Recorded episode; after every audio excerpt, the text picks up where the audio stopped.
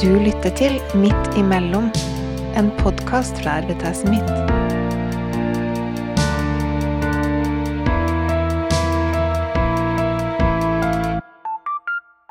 Vi lever stadig lengre, og andelen eldre i samfunnet øker. I flere tiår har vi snakka om eldrebølgen, og i dag er vi midt i den. 16% av befolkninga i Norge er 67 år eller mer. Antallet som er 80 år eller eldre, vil bli mer enn tredobla fra 2020 til 2060. Å bli eldre innebærer mange ting, bl.a. opplever mange å bli møtt med aldersdiskriminering. WHO bruker begrepet alderisme.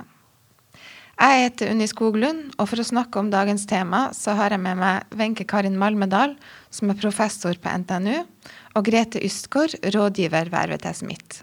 Velkommen til dere. Tusen takk. Wenche, det her begrepet alderisme, det kjenner du godt. Kan du si litt mer om hva det handler om? Ja, det kan jeg gjøre. Vi har jo tidligere vant til å snakke mer om aldersdiskriminering, og så har det her på en måte utenlandske begrepet alderisme kommet mer og mer inn også i norsk språk. Eh, og når det gjelder aldersdiskriminering eller alderisme, da, så kan vi snakke om både formell og uformell aldersdiskriminering. Eh, og begge det her er noe som reduserer aktiviteten og deltakelsen blant eldre. Når det gjelder formell eh, aldersdiskriminering, så kan det dreie seg om eh, ulike aldersgrenser som ikke er saklig eller oppleves som rimelig. Og den uformelle aldersdiskrimineringa handler mer om det som ligger der av holdninger, både overfor eldre, men også blant eldre. Eh, og så kan vi også snakke om at aldersdiskriminering eh, kan både være direkte og indirekte. Eh, og den direkte aldersdiskrimineringa er når eldre behandles dårligere bare pga. alder. F.eks. at man har svakere formelle rettigheter pga. alderen. Og den indirekte aldersdiskrimineringa er kanskje litt mer litt vanskeligere å fange eller få tak i eller, eller se. Eh, men det kan f.eks. handle om at uh, ting som tilsynelatende er nøytral praksis, da, får likevel større konsekvenser for eldre enn for andre. Og Et sånn godt eksempel på det kan f.eks. være at uh, kommunen ikke strør glatte fortau eller brøyter snø, og at dette gir større utfordringer for enkelte grupper, og, og eldre strever kanskje spesielt med det. da. Uh, og det som er viktig, er at både den direkte og indirekte diskrimineringa kan være i strid med lovverket, både likestillings- og diskrimineringsloven. Så jeg tenker at vi må, vi må se hele spekteret her av aldersdiskriminering. Og det er ikke så nødvendigvis så enkelt begrep å, å fange sånn direkte, men, uh, men, det ligger der på en måte i samfunnet. altså Både formelt og uformelt. Ja, og det er vel uh, mer utbredt enn vi tror. For i hvert fall så har FN kommet med en rapport om alderisme eh, i 2021. Og der slo de fast at annenhver person i verden har alderistiske holdninger. Altså fordommer og stereotypiske bilder på hvem eldre er. De her holdningene de kan bl.a. føre til dårligere fysisk og mental helse og redusere livskvaliteten for eldre. Og når vi snakker om eldre som gruppe, for det gjør vi jo ofte, så er vel det også en form for alderisme? At vi skjærer alle over én kam? Ja, jeg tenker at det, at det er det. Ja, absolutt. Mm. At man ikke ser på eldre som, eh, som individer. Mm. Og her blir det jo viktig tenker jeg, å, å løfte fram eldre som ressurs. da. Um, for norske pensjonister eh, bidrag til, bidraget deres til samfunnet gjennom frivillig innsats det er årlig verdt 29 milliarder og med riktig innsats så kan verdien være fordobla i 2035. Her er Senter for aldersvennlig Norge som har, har funnet tallene. Eldre er altså en ressurs i forhold til kompetanse, kunnskap og ikke minst livserfaring. Frivillighetene eh, bidrar til økt livskvalitet og sjølfølelse. Og bidrar med å skape møteplasser, inkludering og aktiv deltakelse i lokalsamfunnet. Oppsummert så kan vi si at frivilligheten bidrar til mye positivt til dem som utfører den, dem som er mottakere av tilbudet, og til hele storsamfunnet. Og På nettstedet frivillig.no har jeg litt lyst til å nevne det, så finner du nyttig informasjon om hva frivillig arbeid er. Du finner en oversikt over ulike frivillige oppdrag, og du kan òg søke spesifikt i det distriktet du bor i.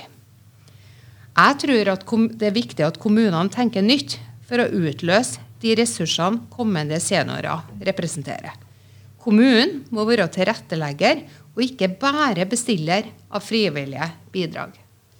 Jeg tenker jeg støtter det veldig, det, Grete, det du sier. Og, og du nevnte jo òg det her med, med, eldre, mange eldre som bor hjemme og er friske. Eh, og det tenker det må vi bare vektlegge, at pensjonisttilværelsen og alderdommen for de aller fleste ikke innebærer at man på en måte er syk eller bedriver lediggang, men at man er aktiv. At man har et meningsfylt liv. Men så er det det at eh, noen opplever dramatiske endringer i livet. Enten det handler om egen helse, eller det å bli pårørende til noen som blir alvorlig syk, eller at man mister noen. Eh, og da er det jo tilbake til, innledningsspørsmålet ditt, Unni. Det med, men skal man se alle under ett, eller er det individer her? Og, det er, og de her opplevelsene er jo individuelle. Og Derfor så er det igjen viktig å understreke at eldre må bli sett på som individer, og ikke som en ensarta gruppe. Mm. Mm. Ja. Og så da I den forbindelse Venke, så da nevner jeg for Senteret for aldersvennlig Norge. De har laga en veileder sånn som kommunene kan benytte for å få hvordan, det er masse råd og tips på, på hvordan du kan få flere engasjerte seniorer i lokalmiljøet. Ja. Mm. Men det at det er så mange som har dårlige holdninger til eldre, hva skal vi gjøre for å endre det? Jeg tenker ja, eh, godt spørsmål. Jeg tenker at vi må kanskje ha en eh, holdningskampanje på, på det her.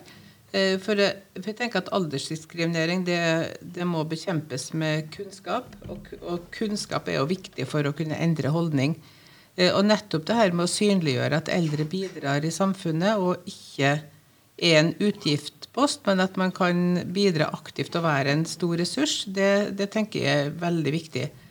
Så har vi jo hatt eh, Eldreombudet tidligere, da, som har eh, vært med å bekjempe aldersdiskriminering, også viktig. For både lavere forekomst av det som er nevnt i stad som den formelle diskrimineringa, eh, og uformell diskriminering vil kunne hjelpe på. Da. Så kampen mot begge former for aldersdiskriminering er nødvendig. Hvor skadelig tror dere alderismen er? Jeg tror det er ganske skadelig. Og det vi ser og vet, er jo at det legger begrensninger på eldres livsutfoldelse.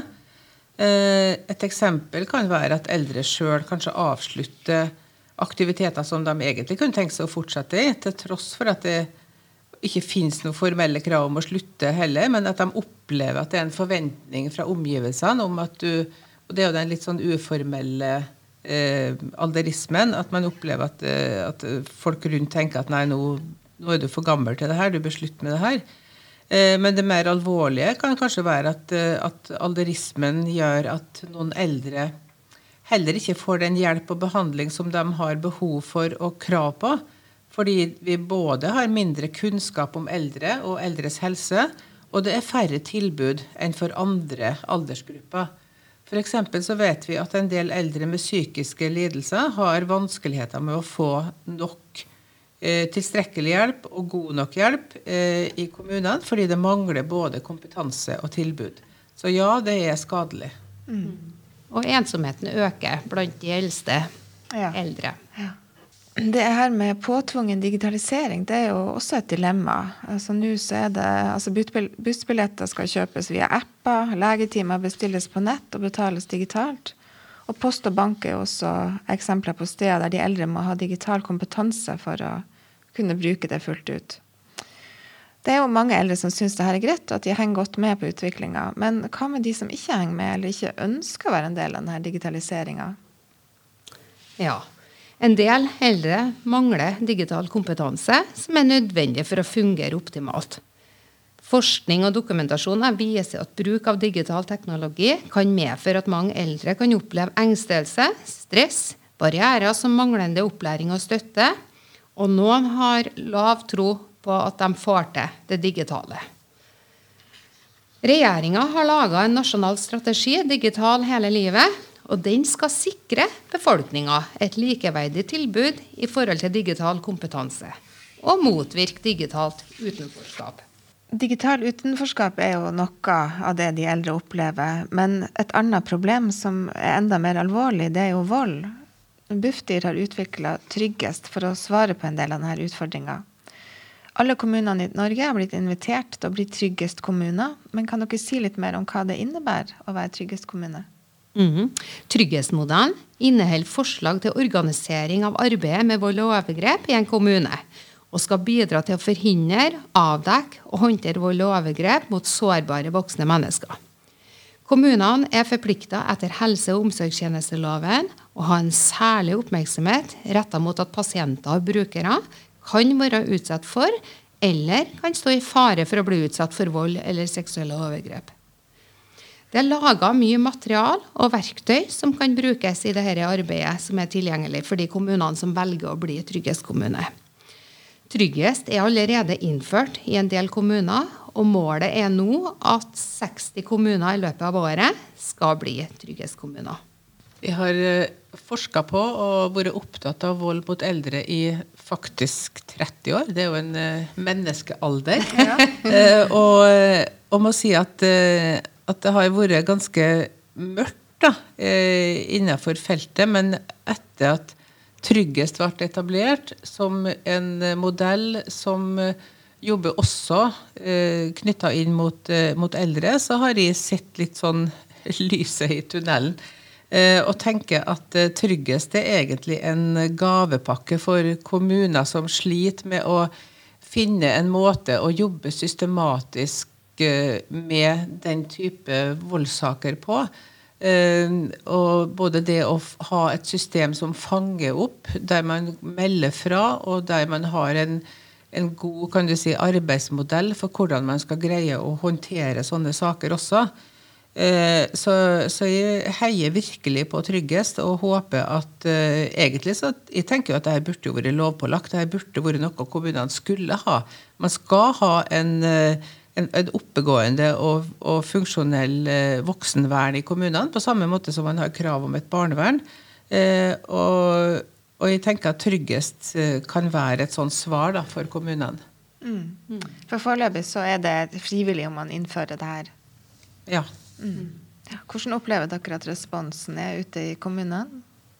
Det er jo det er flere og flere som melder seg, men, det, men, det, men fortsatt Og det, det, er litt sånn uh, skremmende at, du, at vi kan godt at Jeg møter jo en del folk fra, fra Kommune-Norge. og når jeg spør om trygghet, så er det dessverre fortsatt kommuner som ikke kjenner til ordninga. Mm. Så det betyr at man ikke vet om at det fins heller. Så man har ikke engang vurdert om man skal delta eller ikke.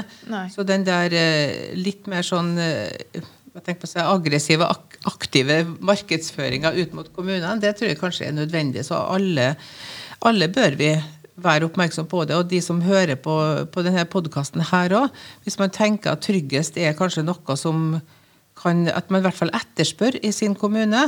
For alle kan etterspørre. Alle kan ta kontakt med politikere eller Eldrerådet eller noen fra kommuneadministrasjonen og spørre hei, skal ikke vi kanskje bli, vurdere å bli en trygghetskommune. Så, så her tenker jeg at vi må, vi må, være litt aktive alle sammen for å prøve å få det til å bre mer om seg. Mm. Og det er med, nettopp dette som er så viktig tenker jeg, med å nå ut informasjon om tryggest. Ikke bare til kommunalt ansatte eller ansatte, eh, men ja, vi må nå ut til alle. Ja. Også eh, folke... Ja. Mm. ja. Jeg har jo en, eh, en fot innenfor Pensjonistforbundet også, i og med at jeg jobber der som både en slags ja, sånn, rådgiver, men òg sitter som leder i det sentrale helseutvalget i Pensjonistforbundet. Og vi snakker mye om tryggest. Vi snakker mye om tryggest ut til eh, Pensjonistforbundet ute i hele Norge og ber dem også om å etterspørre det her i sine kommuner. Da. Ja. Mm. Så det ligger jo litt i navnet og tryggest. at eh, Jeg tror jo at det blir tryggere for ansatte eh, som står i de sakene her. Eh, og det blir tryggere for den som er utsatt for volden. da. Ja. Det kan være et hjelpemiddel på å begrense volden. Ja.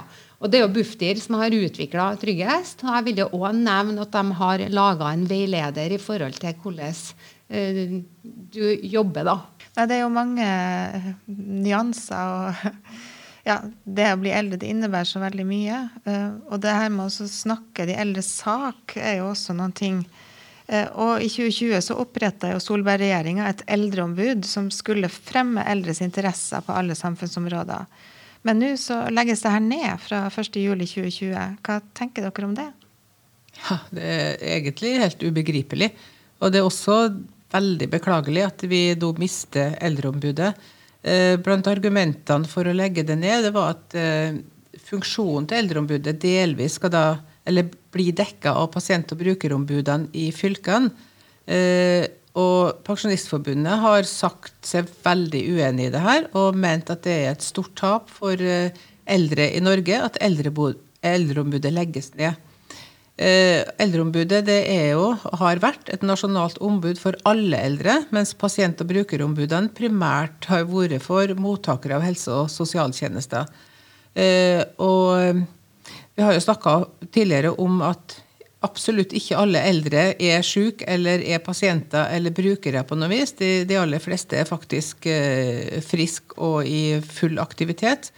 Eh, så det betyr jo at, eh, at pasient- og brukerombudet kanskje ikke nødvendigvis er et eh, naturlig valg for dem, mens, el mens Eldreombudet derimot favner mye videre. Så, så, jeg tenker at eh, Eldreombudet burde få fortsette drifta, og vi får håpe at eh, noen tar til vettet og, og får den opp og gå igjen. Mm. Ja, for jeg tenker Det er jo naturlig å spørre seg hva, hva med de eldre da, som ikke er pasient eller, og, eller brukere. Og, så, og nå har vi jo snakka mye om alderisme og holdninger. og så det er jo litt interessant å tenke hvordan signaler sendes ut til folket og de eldre sjøl som gruppe, da, med at f.eks. Eldreombudet legges ned. Og hvordan påvirker sånne signaler våre holdninger? Mm. Vi lar det bli siste ord i dag. Tusen takk til Wenche og Grete. Takk. takk.